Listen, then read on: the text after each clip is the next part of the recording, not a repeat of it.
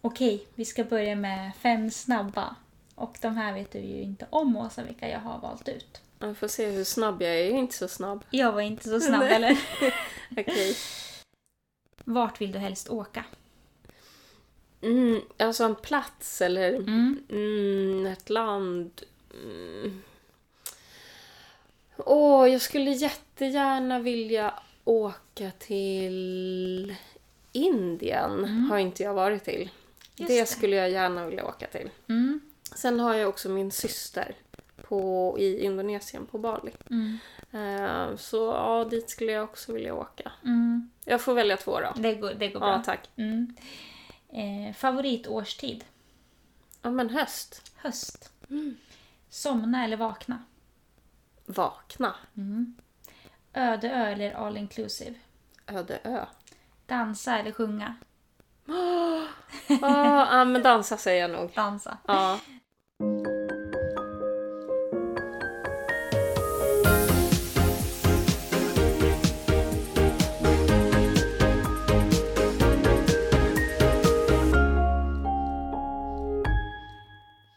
Då går vi vidare in på alla frågor. Okej, vi ska börja spela in Dolapodden och intervjua dig Åsa idag. Mm, det ska vi. Så roligt. Mm. Jag har ju längtat efter det här i alla fall. That makes one of us. Börja berätta vem du är och vad du sysslar med. Mm. Ja, det är den här lilla frågan om vem är du? Mm. Ta den lite men- snabbt. Ja, precis.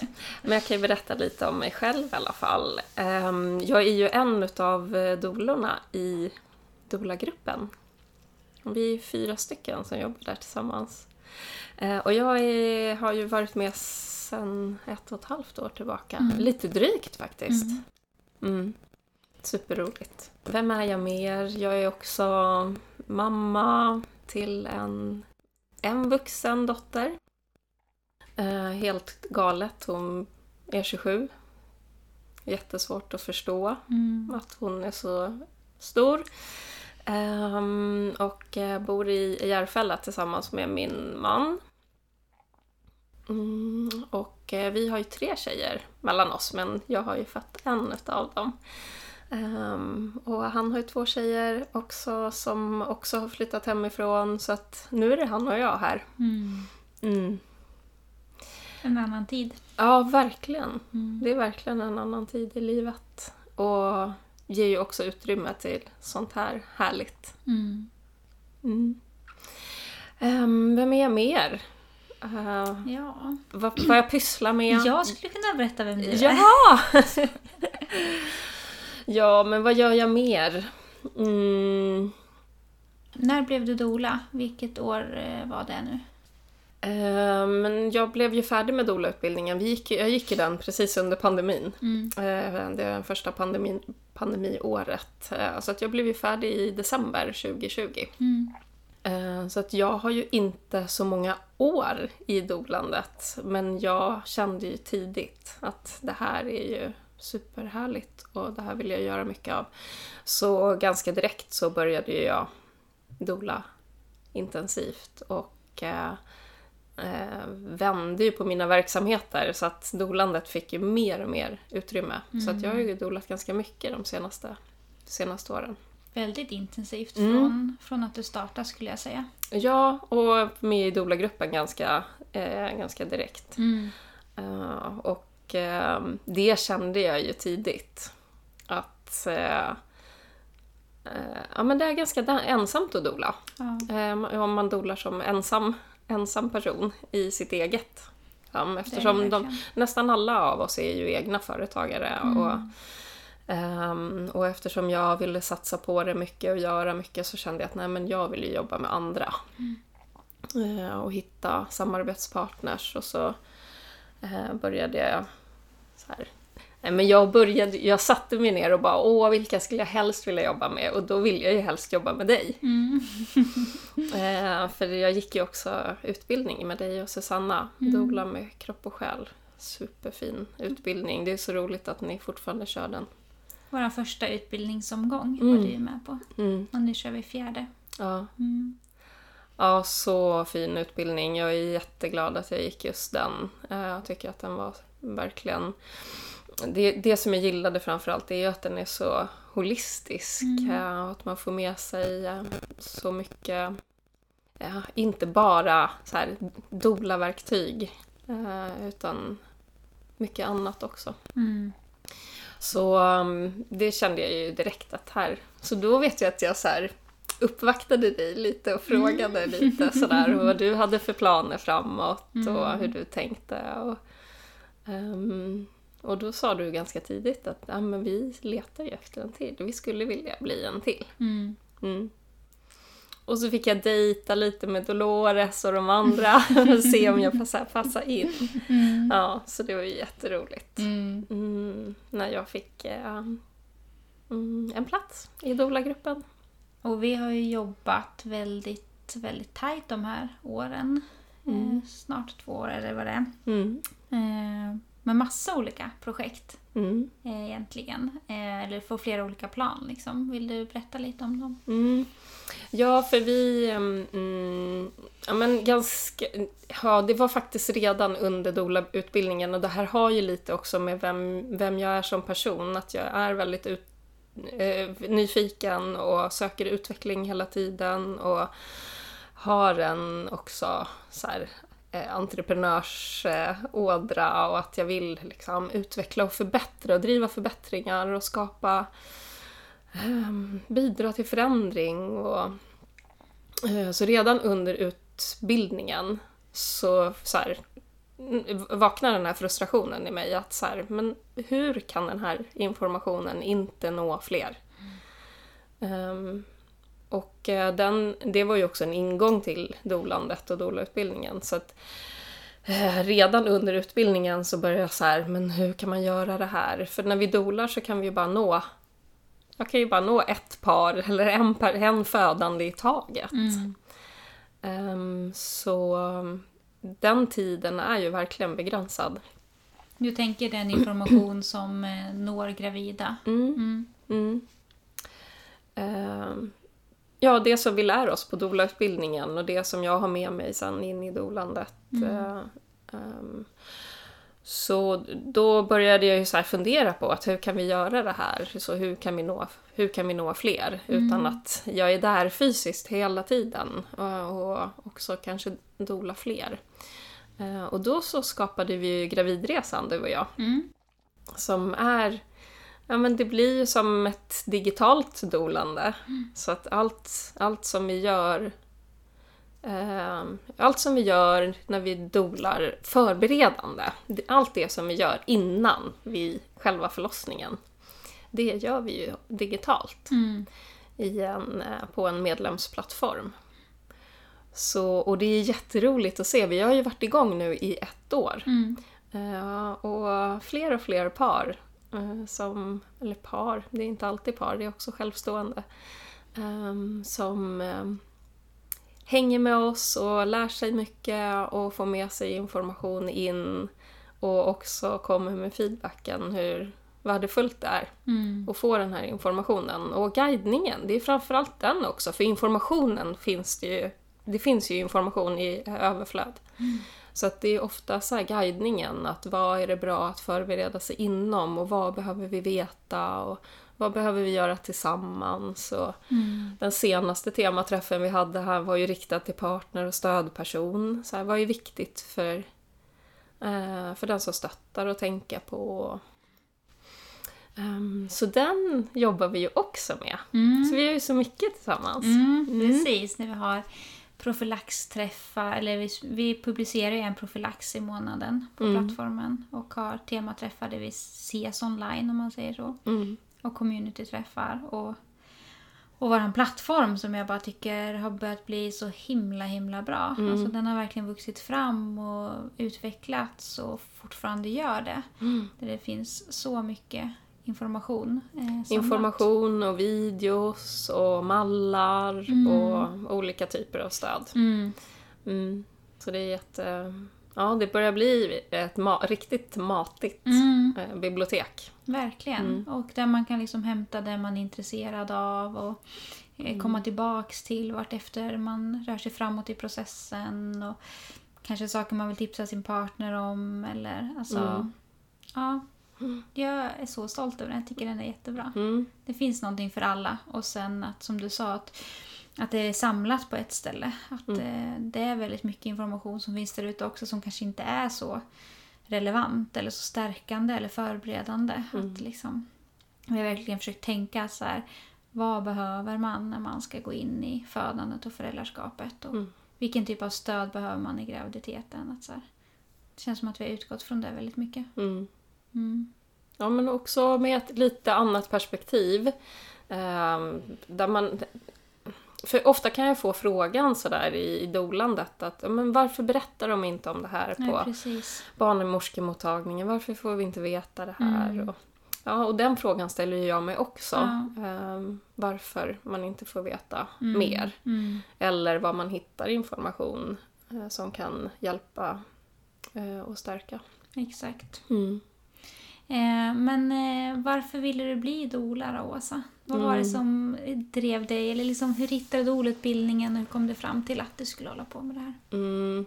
Ja, men dels så var jag ju så här i ett skede i livet där jag, som jag började med att berätta att Nej, men så här, nu är barnen stora, nu, nu finns det ju tid för mig igen. Så här, vad, vill, vad längtar jag efter och vad, jag, vad drömmer jag om? Ehm, och ehm, jag har haft en barnmorskedröm men jag har inte gjort någonting med den för jag har inte varit så sugen på att jobba inom vården. I, in, in, ingen kritik liksom, till vården i övrigt som, som institution eller som funktion i samhället för att jag tycker att det är viktigt. Men, ehm, men det har inte passat mig. Och sen mm, så tror jag att till ehm, till doula-utbildningen, jag tror att också att jag har med mig min, eh, min egen förlossningsupplevelse. Eh, jag födde ju barn 95. Mm. Så, mm, och den förlossningsupplevelsen var väldigt jobbig och traumatisk för min del. Så det har ju tagit mig lång, lång tid att läka den upplevelsen. Eh, Och i det läkandet så har jag ju också hittat jättemycket information och fått förståelse och det har också landat i mig att ja, det kanske inte var som jag trodde initialt utan att jag kanske inte fick rätt förutsättningar och hade jag haft bättre stöd och bättre förståelse för vem jag är och vad jag behöver eh, också kanske gjort ett bättre förberedande arbete själv eh, så hade det, eh, hade det kanske gått på ett annat sätt. Mycket troligt. Mm. Det har ju också lett mig till att så här, i det här sökandet av information ehm, för att läka min egen upplevelse så har jag också landat i att det så här, återigen, så här, men hur kan vi inte prata om det här på ett annat sätt än vad vi gör och hur kan vi skapa mer förståelse för vad vi behöver när vi ska föda. Så där började jag ju så här, ja men återigen så här, men det kan inte bara finnas barnmorskevägen utan det måste finnas fler sätt att, att stötta på. Och då hittade jag dolandet. Ehm, och jag tror också, undrar om det inte var min dotter som tipsade just om doula-utbildningen som hade sett, för hon lyssnade på doula-podden och ja, så hon skickade doula-utbildningen till mig och sa mamma titta här. Hon, har också, hon är också själv sugen på doulan, eller har varit i alla fall. Tänk att det fanns en tid då vi inte kände varandra, Åsa. Ja, Alltså, det är ju jättekonstigt. tänk att du liksom mejlade mig om att du ville gå doula-utbildningen och så hade jag ingen aning om vem du Mm. var. det känns Ja. så konstigt. Ja. ja, och det är ju bara så här, ja vad är det, tre år sedan, Mm. tre och ett halvt år sedan kanske. Mm. Alltså det känns ju jätte, jätte märkligt. Ja. Det känns som att vi har känt varandra jättelänge. Mm. Och liksom vi umgås både privat och i jobbet och du ska vara min doula när jag ska föda. Och Mm. liksom, det är så här, alla möjliga relationer, eller man ska säga. Mm. Mm. Och det är så otroligt fint Mm. eh, att så här, följa, följa med. Alltså vi vet aldrig var, var livet tar oss. Nej. Fram. Det är så otroligt häftigt. Mm. Det är så magiskt. Och också när jag så här, eh, just att så här, fortsätta gå utbildningar och möta nya människor. Och, ja, jag tycker det är så roligt. Mm. Mm. Vad hade du eh, arbetat med om du inte var doula då? Ah, ja, men jag är ju... Jag är ju en person som Eh, är intresserad av väldigt många olika saker. Tycker mycket är spännande och intressant.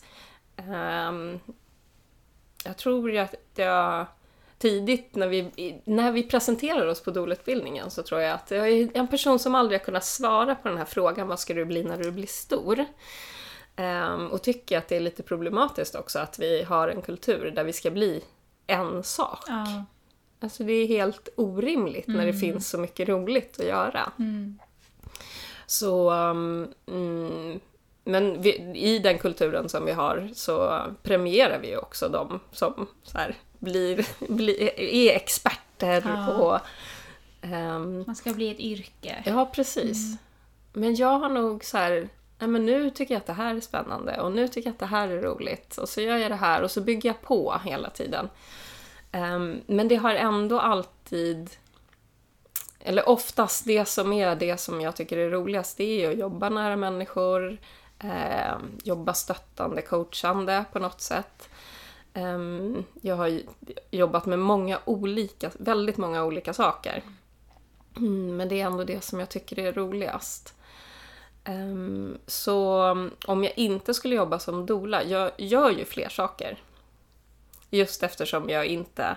Jag kommer nog aldrig göra bara en sak.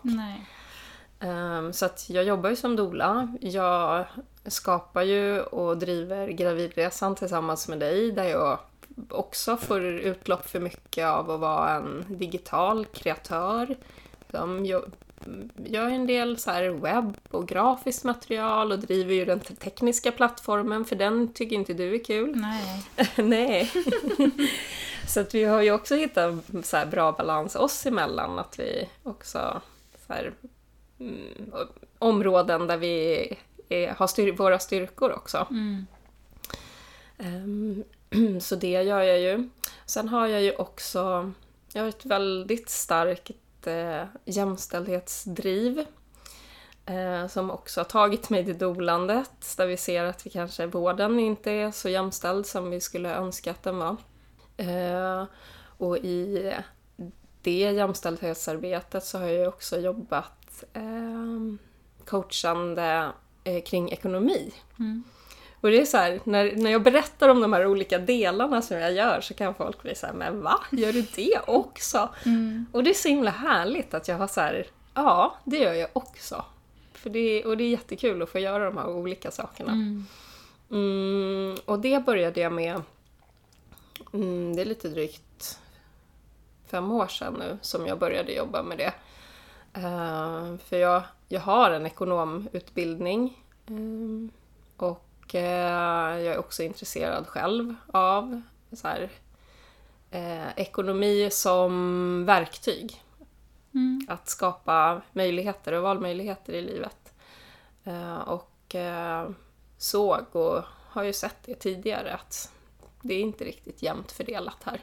Ehm, och att kvinnor hanterar lite sina pengar på ett lite annorlunda sätt. Och I familjebildningen ser vi det jättetydligt. eh, att eh, då händer det saker i mäns och kvinnors ekonomier.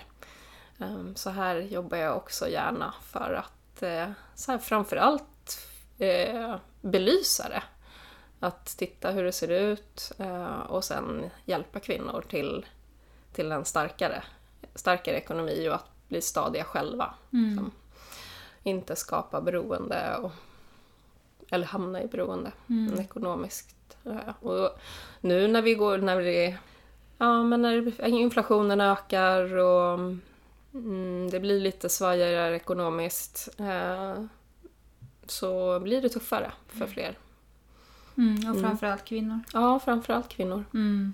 Det är många som ringer till mig och eh, ja, men som kanske vill separera men som inte tycker att de har råd med det eller ja, inte äg, att man inte äger lika mycket. Och, Mm. Mm. Ja, det är problematiskt. Mm. Eh, Men och också en väldig kraft att se. Eh, För att med ganska små medel kan vi faktiskt börja bygga starkare Mm. för oss själva. Så Mm. det, är- mm, det är super, superviktigt. Och en, och en viktig del i att ta hand om varann i familjebildningen, tycker jag. Mm. Absolut. Mm. Så det gör jag också. Så Mm. om, om jag, vad, jag inte skulle göra, vad jag skulle göra om jag inte jobbar som doula, ja men det är ju de här andra sakerna. Mm. Mm. Vad tycker Mm. du då är eh, bäst med att vara doula? Vad är härligast? Vad gillar du mest? Ehm, jag gillar nog mötena mest. Så mötena med människor, få vara, va, få vara med dem som en del i deras team Mm. när de ska göra den här stora utvecklingsresan, eh, omvälvande upplevelsen som det är att både föda och ta emot ett barn. För sen ska man ju ta hand om det här barnet och förstå vem man är på i det och i föräldraskapet. Mm. Så bara få, få vara en del i den fantastiska resan som, som det är. Men ja, också tuff, tuffa resa som det kan vara. Eh, och få erbjuda stöd i det tycker jag är det absolut bästa. Ja, de Det är här s- mötena.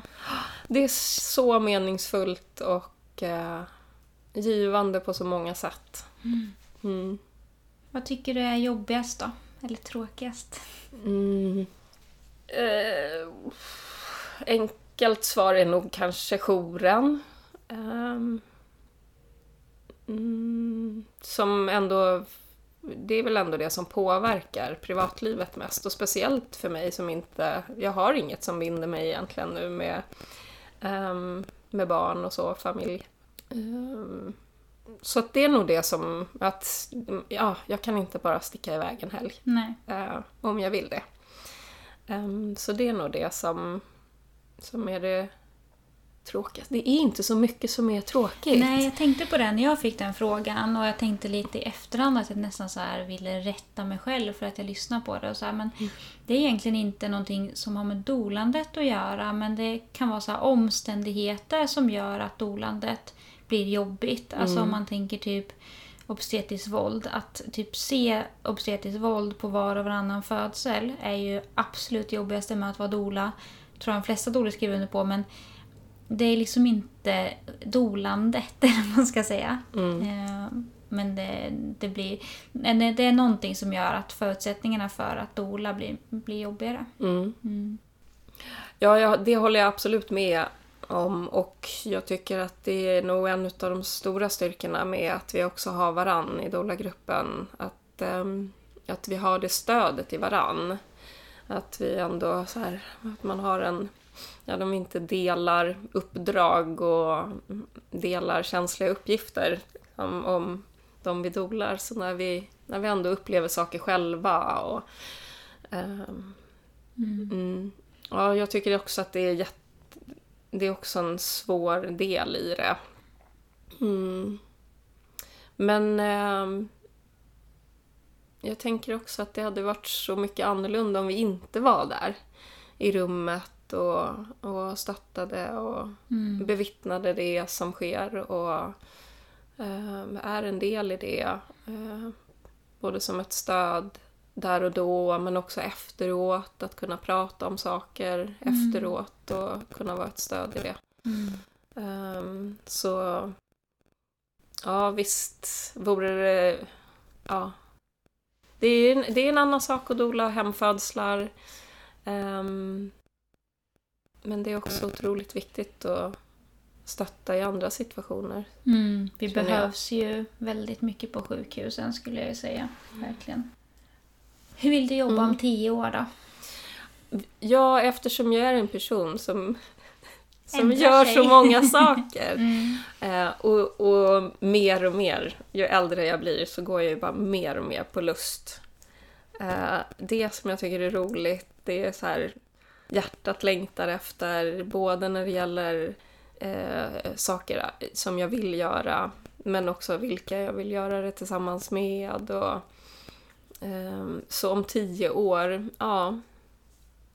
Jag, jag tror nog att jag jobbar med födande på ett eller annat sätt. Du har inget val. Nej, men det tror jag nog att jag... Det känner jag så starkt, eh, starkt för. Så det vill jag absolut... Det tänker jag absolut att jag gör. Mm. Um, sen gör jag det nog på ett annat sätt. För då är jag också... Herregud, då blir jag ju också... Börjar bli gammal. Kanske inte orkar dola så här. Och vara vaken på nätterna och allt vad det är mm, som kommer med det. Mm, eh, vi, du och jag pratar ju om hur vi kan utveckla framåt och göra mer och nå fler och Mm. eh, också driva mer förändring mm, och bidra till det.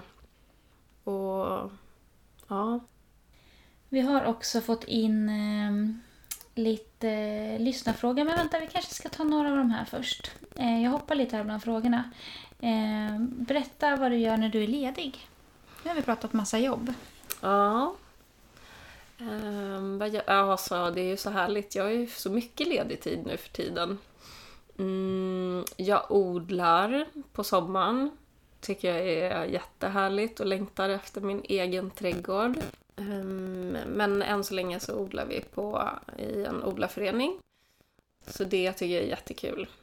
Mm, jag kan vara trött och sliten och så kommer jag ner där och känner i fingrarna i jorden och så känns det mycket, genast mycket bättre. Mm. Jag kan vara där i timmar och bara gå och pilla bland blommorna och grönsakerna. Och dessutom bara få äta allt härligt. Ja. Ja, ni ska, hel, hela Dola-gruppen kommer ju hit till mig Mm. ikväll. Och då ska vi nog äta bland det sista vi har skördat här. Oj, vilken lyx. Ja, så det är jättemysigt Mm. att få äta sitt eget också, det som man odlar. Ehm, jag älskar också att läsa. Jag läser hela tiden. Mm. Eh, och jag har nog kanske tre böcker igång ungefär. Jag läser nästan ingen skönlitteratur. Nej. Ehm, och det kan jag så här behöva tvinga mig till lite ibland för att bara läsa för njutning. Mm. Sådär. Ehm, men annars så läser jag ju av nyfikenhet och ja, för att jag hittat något som är intressant och som jag vill fördjupa mig i. Mm. Ehm, så jag läser mycket, eh, både böcker men också ljudböcker. Fantastiskt. Mm. Vill du nämna någonting som du håller på med nu eller som du har läst nyligen eller som du vill läsa? Eller? Mm.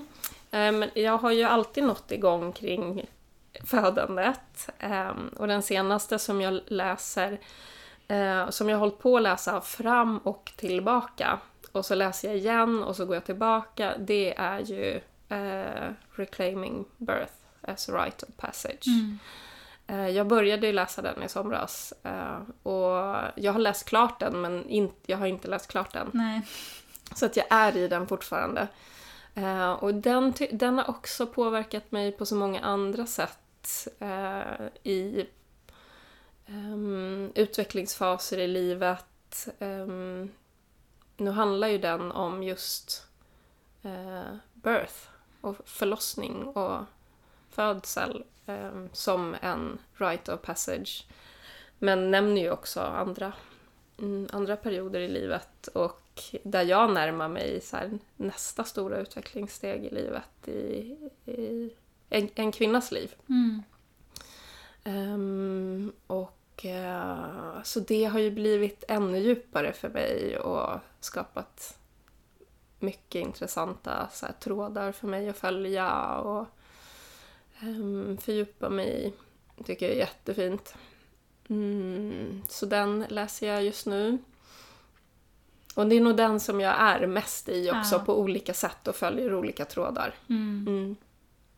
Mm. Vi, skriver, vi nämner den boken i avsnittsbeskrivningen sen. Den har ju pratats ganska mycket om i, i vår doula-värld. Ja. Men många gravida kanske inte har hört talas om den. Men jag upplever att fler, alltså, jag träffar fler och fler gravida som också läser den Mm. under graviditeten och Roligt. jag gör det. Mm.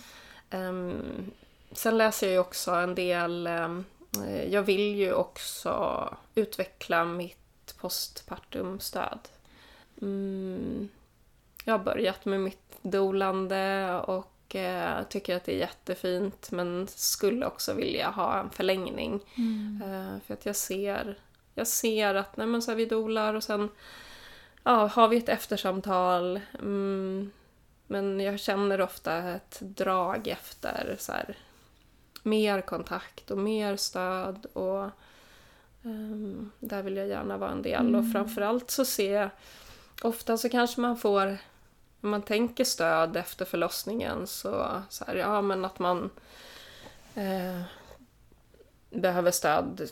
Liksom, man behöver få sova och hjälp med tvätten och maten. Och, men det känslomässiga stödet. Mm. Att man bara kanske, man behöver, man behöver få berätta sin förlossningsupplevelse 18 gånger. Ja. Och att det är okej. Och att det, ehm, att det är en del i, i hela processen. Och att det tar sån tid. Och att det får ta tid. Mm. Mm. Ja, det är ett jättestort behov hos Mm. kvinnor som vi inte talar så mycket om och som vi inte uppmärksammar. Ehm, och som man mer och mer förstår ju längre man dolar att gud, det är ju det här som är det viktigaste egentligen. Mm. Det här är ju resten av livet på något sätt. Ja. Ja, och det, jag har ju min egen upplevelse mm, som jag eh, till en början inte pratade alls om. För att det var för jobbigt. Det, det gick inte. Jag kunde liksom. Jo, det var heller ingen som... Eftersom jag inte heller uttryckte det eh, så var det ju heller ingen som förstod eh, hur jobbigt det var Nej. eller hade varit. Ehm, men nu så här långt efter så kan jag också se tillbaka på det genom livet och förstå hur den upplevelsen har faktiskt påverkat mitt liv och mina val. Och, eh, det är jätteintressant. Eh, och, det, och i det här utvecklingssteget där jag är eh, nu, härnäst, så kan jag också så här få tag på saker och bara men wow, det här startade ju redan här. Mm. Och att jag har haft det med mig så länge. Och apropå att den här utvecklingsresan aldrig, aldrig slutar och att vi men så här, på vägen mot att bli hel. Mm. Ja. Eh, få tag på olika saker. Mm. Mm. Så odling tar mycket tid och Mm. läsa tar mycket Läsa tid. tar mycket tid. Eh, jag älskar musik. Massor med musik. Mm, och det skulle jag nog önska fick mer plats. Ehm, nu har det ju varit två riktigt sopiga musikår, måste jag ju säga. För jag älskar ju live, gå och se live, Mm. musik live. Jag spelar också mus- jättemycket musik hemma. Eh, och hittar hela tiden ny musik. Så här, söker ny musik hela tiden. Mm, men inget slår ju live. Nej. Så det här har ju varit riktigt, riktigt jobbigt. Mm, att inte... Och det har också gjort att jag så tappat fart lite. Ja. Det, jag har känt att jag får så här jobba lite för att mm, ta mig ut faktiskt Mm. och göra det. Mm, men i sommar har jag ju varit lite... Vi var ju på... Vad såg vi på Grönan? Melissa Horn. Ja, det Mm. gjorde vi. Melissa Horn såg vi. Mm, så det... Det tycker jag är mysigt. Vi... Vi har inte heller riktigt... Min man och jag har inte heller riktigt samma... Men han följer gärna med. Inte på allt. Nej. Men, mm, men eh, min dotter har också stort musikintresse så hon drar med mig och vi går tillsammans. Och, så det tycker jag är jättehärligt. Musiken. Mm. Mm. Vad gör jag mer på fritiden? Du är ju Ja, liksom jag, verkligen en utemänniska. Ja, Mm. Ja, Det kommer ju lite i det här med odlingen, att man gillar naturen. ja, jag. ja. Men, Ja men så fort jag får tillfälle så Mm. hänger jag i skogen. ja. Mm. Eh, skogen, skogen, skogen. Det är väl lite nästa fråga som är så här hur du hämtar energi, för det tänker jag är en av grejerna. Ja men det är verkligen där. Mm. Mm. Mm. Ja, och det, det är ju den här kontakten med naturen. Ehm, och bara grundningen och kan sitta med hos ett träd. Jag tycker att naturen är verkligen så läkande. Mm. Herregud, Mm. verkligen. Så mer och mer eh, nej, men jag spenderar ju mer och mer tid i naturen. Um, har också så här, börjat älska hösten. Inte gjort tidigare. Uh, så den här, och den här hösten har varit så mild och fin och ja, jag har varit så mycket ute och badat länge. Mm. Uh, får se om jag fortsätter att bada hela vintern. Mm. Mm. Gör det. Men- Jag hade så gärna gjort det om jag inte hade varit gravid. Jag Mm. längtar efter att kallbada. Mm. Mm. Ja, nej men det, det gör verkligen, gör verkligen, verkligen gott Mm. när jag får vara ute. Mm. Och jag känner stor skillnad när jag inte, när jag inte gör det. Ja. Och det, det pratade vi om för ett tag sedan du och jag. jag bo, för vi bor ju båda i, båda i lägenhet. Mm. Och den har jag känt. Så när jag, vi, har en, vi har en stuga vi, och jag känner sån skillnad när jag kommer hem. Och så ska jag vara i den här lägenheten och jag är så här, undrar om det är för att jag bor en bit upp i luften. Ja. Att jag behöver ner på marken och få gå på marken verkligen. Om det också påverkar mig. Mm. Ehm, Säkert. men ja, skogen. Mm. Mm. Något annat sätt att hämta energi ifrån. Jag tänker att alltså det man gör när man är ledig är ofta saker som man får energi ifrån. Men Mm. kommer du på något annat? Mm, ja, jag, jag får ju också energi av att här, hänga med andra härliga människor. tycker jag är jättemysigt. Mm, gärna laga mat ihop och så här. Samt, samtalen är jätteviktiga för mig. Mm. Ehm, så det, det tycker jag är jättemysigt. Och så här, bara ha, ha folk över på middag. Mm. Och min man är ju svinduktig på att laga mat, så det är Mm. också så gott. Det är han. Det är också så gott. För några veckor sedan när jag frågade dig om ett recept när vi skulle ha gäster hemma så fick jag ett recept som ni hade gjort när vi var hos er. Mm. Det blev ju inte lika gott när vi Men gjorde va? det. Det blev gott, men Ja. det var inte lika gott. Nej. Nej, så han är bra. Ja. Det är Ja, ofta när, man, eh, när vi skriver till varandra på kvällarna så vad gör du? Så då sitter du och väntar på att få mat. ja, alltså det är så lyxigt. Ja. Jag, eh, min man säger det när jag sitter och väntar. Att, eh, vad, bra jag har det. Och jag säger, men jag har det ju som en man på 50-talet.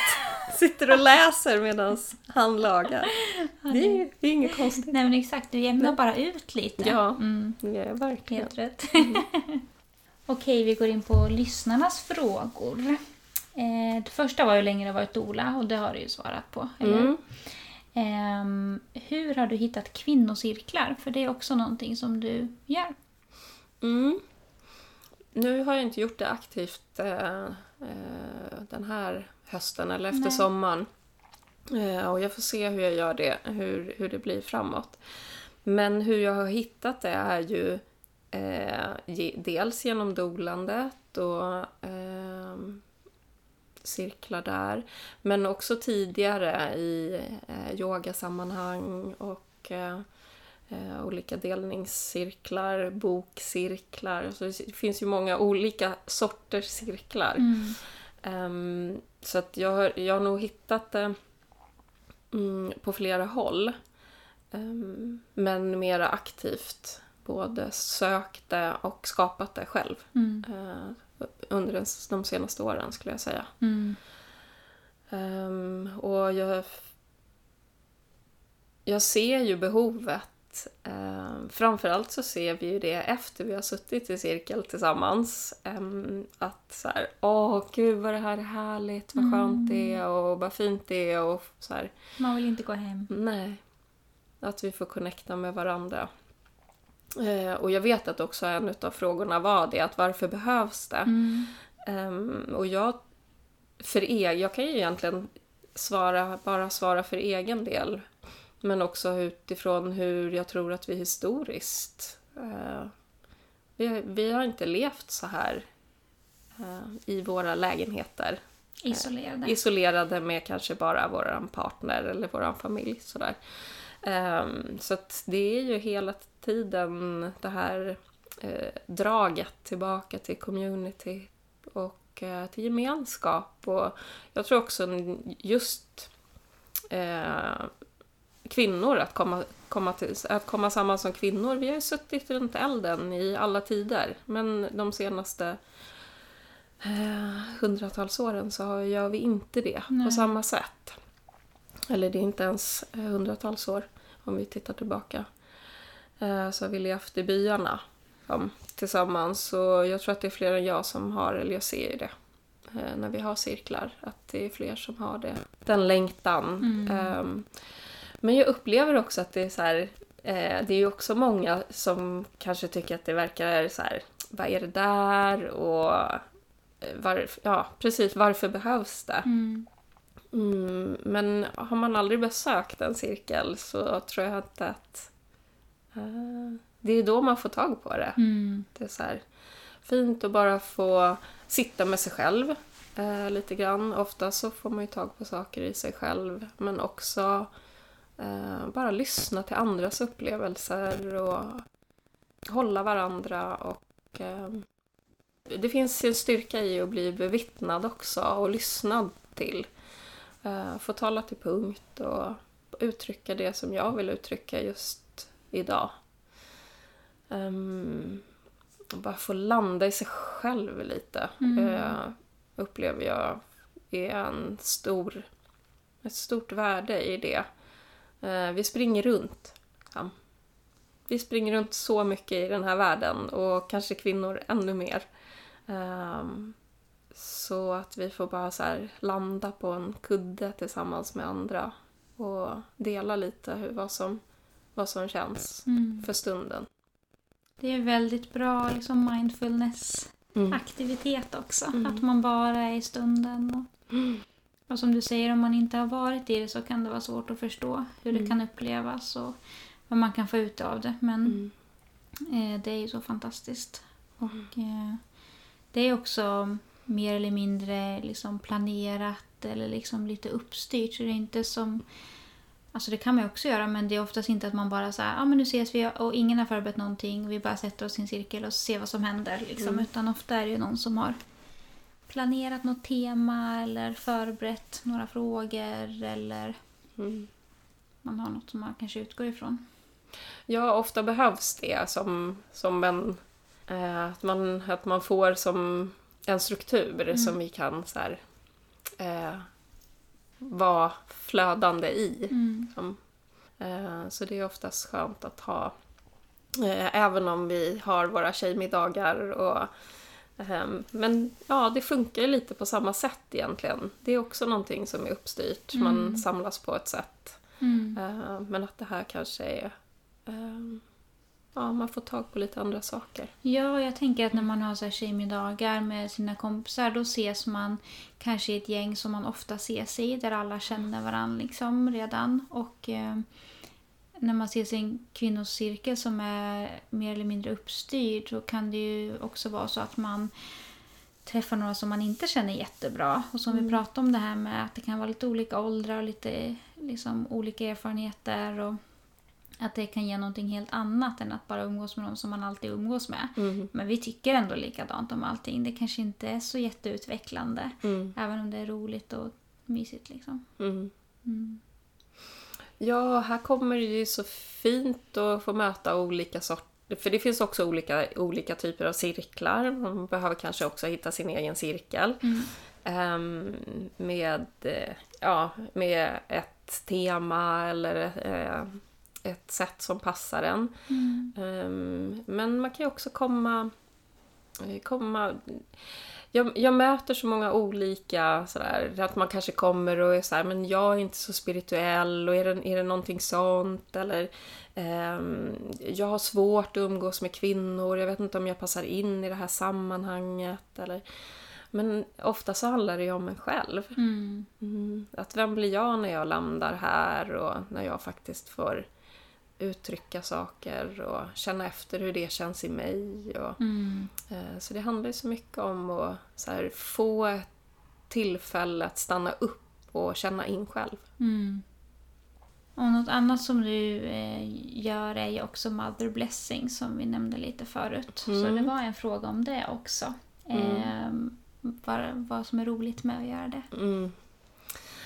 Um, ja, jag har gjort några sådana och skulle gärna göra fler. Jag tycker att det är också ett sånt uh, väldigt fint sätt. Om man inte vet vad en mother blessing är så är ju det en, en välsignelse eller ett sätt att så här, eh, uppmärksamma moderskapet och den utveckling, den väg som hon är på väg eh, in i. Mm. Och det är väldigt ja, men det är också ett tillfälle att så här, samlas och uppmärksamma. Eh, vi har ju en struktur och ett, en vård som kanske är ganska, som är ganska barncentrerat. Det mm. handlar om bebisen väldigt mycket. Um, och här eh, pågår ju väldigt mycket med, med mamman också. Mm. Mm, så, men det roligaste är ju Ja, men det är ju att få se henne samla sina kvinnor um, som hon har nära, som hon har bjudit in uh, och uh, få den kraften tillsammans. Um, och att de också får visa på vilket sätt eh, som de älskar henne och kan stötta henne och vara med henne i, i det här. Ehm, väldigt stor skillnad mot en baby shower som mm. kanske är det som vi vanligast känner till. Mm. Här handlar det bara om henne. Mm. Um, och uppmärksamma henne och stärka henne inför födandet och föräldraskapet och mm. moderskapet. Det är så fint. Jag önskar att vi tog tillbaks den ritualen, traditionen. Mm. Eh, istället för att gå ännu mer åt det amerikaniserade hållet och mm. köpa massa grejer. Och, Ja. Um, vi tar två frågor till tänker jag, åtminstone. Mm -hmm. eh, hur var det att ha småbarn när du hade det? Ser du skillnad mot hur klienter har det idag? Um, jag följer inte klienterna så mycket in i föräldraskapet men jag kan ju se på vänner och på samhället i stort och jag tycker att det är skillnad. Um, framförallt så hade ju inte vi skärmkriget när jag var, när jag var mamma. När jag så hade små barn. Mm. Och det här har jag också pratat med, med tjejerna om nu när de är vuxna. Är att, eh, jag vet att min dotter uttryckte det någon gång att så här, vi var... Eh, hon beskrev det som att eh, de var den sista generationen som liksom klarade sig mm. eh, ifrån skärm, skärm, skärm, skärm. Så det är ju någonting som jag verkligen ser, vilket krig det är. Hur föräldrar slåss om uppmärksamheten med skärmen hela mm. tiden. Och jag fattar ju att barnen vill vara där, det är inget konstigt. Nej. Vi har ju som vuxna svåra, svårt att begränsa oss, eh, vår egen skärmtid, så hur knepigt ska det inte vara om man då är tre år eller fyra år? Precis. Mm. Um, så det tror, jag är en, det tror jag är en stor skillnad. Mm. Men det, jag tror ju också att det kräver ju lite mer av en som förälder. För det, det är också en bra barnvakt. Mm. Vi körde ju VHS. Mm. Lejonkungen på VHS. Um, um, så det var väl det som Ja, men jag kan, alltså jag kan se det bara så när jag åker pendel, pendeltåg. Så här, Ja, men då sitter ett barn i vagnen med en telefon och så står det en förälder på sidan med nästa telefon. Så här, det, det, det fanns inte. Nej. Det, det fanns verkligen inte. Det låter ju som att jag är hundra år, men det är så sjukt. Mm. Ehm, jag fick ju ta upp henne och sätta henne i knät och så satt vi och tittade ut genom fönstret och så peka på saker. Mm. Um, så mm, det kräver ju lite mer av en själv. Um, i Verkligen. närvaro. Och det är inte mm. alltid man orkar det. Det Nej. fattar jag också. Så snabbt som det snurrar. Nej, exakt. Eftersom så. samhället ser annorlunda ut på massa andra sätt. Mm. Så kanske... För det är så lätt att liksom skuldbelägga föräldrar för hur de gör nu. Eh, och jag kan komma på mig själv att göra det många gånger med. Att det är så här, mm. Jag blir väldigt beklämd när jag ser små, små barn sitta i vagnen med en padda. Mm. Eh, eller bara jag och Hugo var och käkade förra veckan. Eh, så var det liksom en familj med två barn och där satt båda barn med varsin padda när de var ute och, och käkade tillsammans. Och då var jag så här, men kan man inte ens gå ut och äta med sina barn utan att de måste sitta med varsin skärm framför sig? Mm. Alltså de pratar inte ens med varandra när de äter mat. Mm. Liksom. Ehm, samtidigt så vet man inte deras situation. Eh, och ehm, det är ju en annan press på föräldrar också. Mm. Ja, helt Mycket, klart. mycket stressigare samhälle och väldigt mycket förväntningar och krav. Mm. Ehm, Ja, det är jag inte alls avundsjuk på. nej. Nej. Också i förhållande till så här, födande och graviditet eh, nu och då, så skillnader som jag kan se, eh, är ju också... Ja, men vi, vi pratar om bristen på information och varför når inte den här informationen fler? Eh, men när jag födde barn så fanns det ju inte samma informationsutbud. Det fanns inga poddar att lyssna på eh, om födande. Men så här, jag läste någon bok tror jag. Det var, och sen gick jag föräldrakursen som eh, mödravårds... Som, vad heter det? MVC Mm. heter det då. Barnmorskemottagningen heter det nu. Mm. Ehm, den föräldrautbildningen som, som gick där, det var ju det som jag... Eh, men jag vet ju också att jag, så här, jag pratar väldigt mycket med, med mamma och vi har...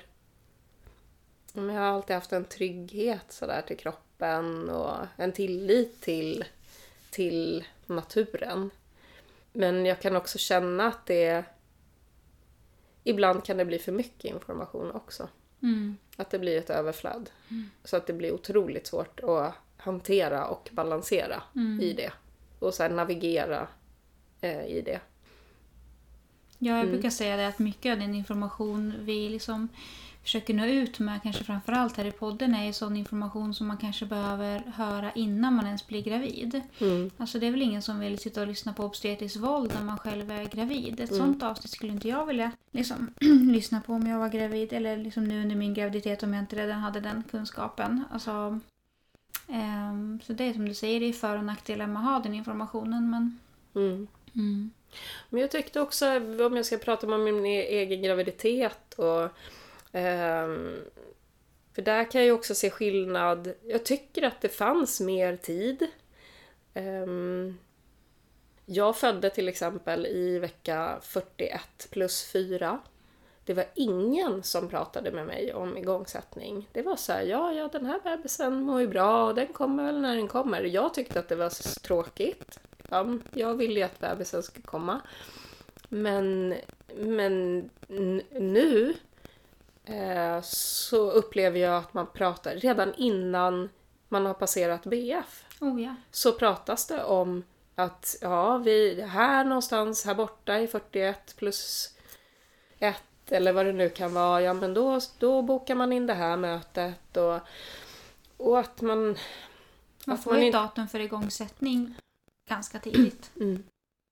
Och om vi då ska prata om vad som gynnar och skapar goda förutsättningar så tänker jag att den, hade jag fått den stressen på mig, här var det ju så här, ja ja men jag gick hemma och ja, men så här, tvättade fönster och liksom så här, gjorde vad jag kunde, byggde bo och Mm. eh, gick på promenader. Um, eh, men jag fick ju ändå vara i det och ha, ha tilliten till, eh, till det.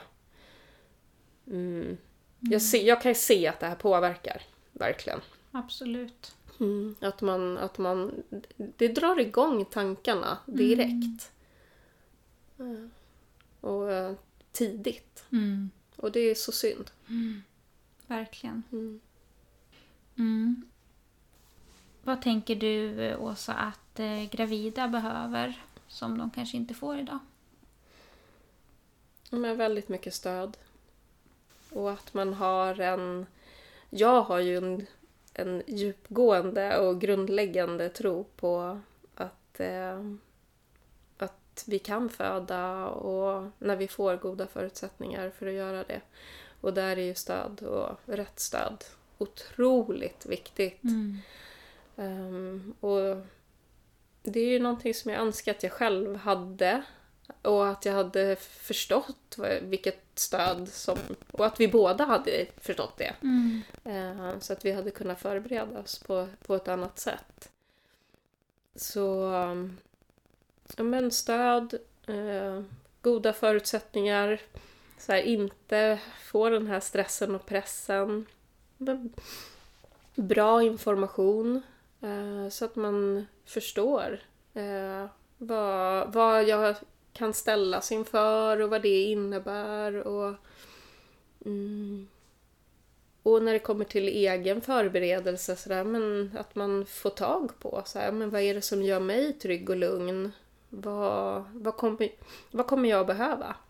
Eh, både ifrån min part, partner men också ifrån, ifrån vården eller i förlossningsrummet, vilken stämning jag vill ha. Vad, vad mår jag bra av? Så att eh, jag och ja, men så här, kroppen får tag på födande kraften Mm. som faktiskt finns där. Jag tror att när gravida får den här liksom frågan till sig, men vad tror du att du kommer behöva? Mm. Då upplever jag att eh, många är så mycket uppe i huvudet där. Och då tänker jag så här, "Ja, nu ska jag tänka ut vad jag tror att jag kommer behöva. Och så fastnar man bara i att eh, ja, men hur ska jag kunna veta det? Jag har aldrig gjort det här innan. Men man behöver liksom gräva lite, man behöver klura på de här frågorna. Man behöver gå in i kroppen. Alltså man behöver göra olika saker där man inte tänker så mycket. För att hitta de svaren. Mm. Ja, verkligen. Kroppen, kropp, alltså vara i kroppen. Vi, vi säger det så mycket, men det är också så här, men hur är man det? Ja, men genom att vara i skogen, genom att eh, gå ut och sparka löv och eh, eh, yoga. Lägga bort telefoner och skärmar. Mm. Ja, men så här, simma, nej, men göra sådana saker som, som man bara tycker om och där man faktiskt använder kroppen. Mm. Mm. Precis, använda kroppen. Och gör man det så blir det ju lättare att stänga av hjärnan. Ja, men och saker är, ofta kan det ju också vara saker där man, som man, in, där man inte kan tänka på annat. Mm. Som faktiskt kräver eh, Mm. eh, ens fulla kroppsliga Mm. uppmärksamhet.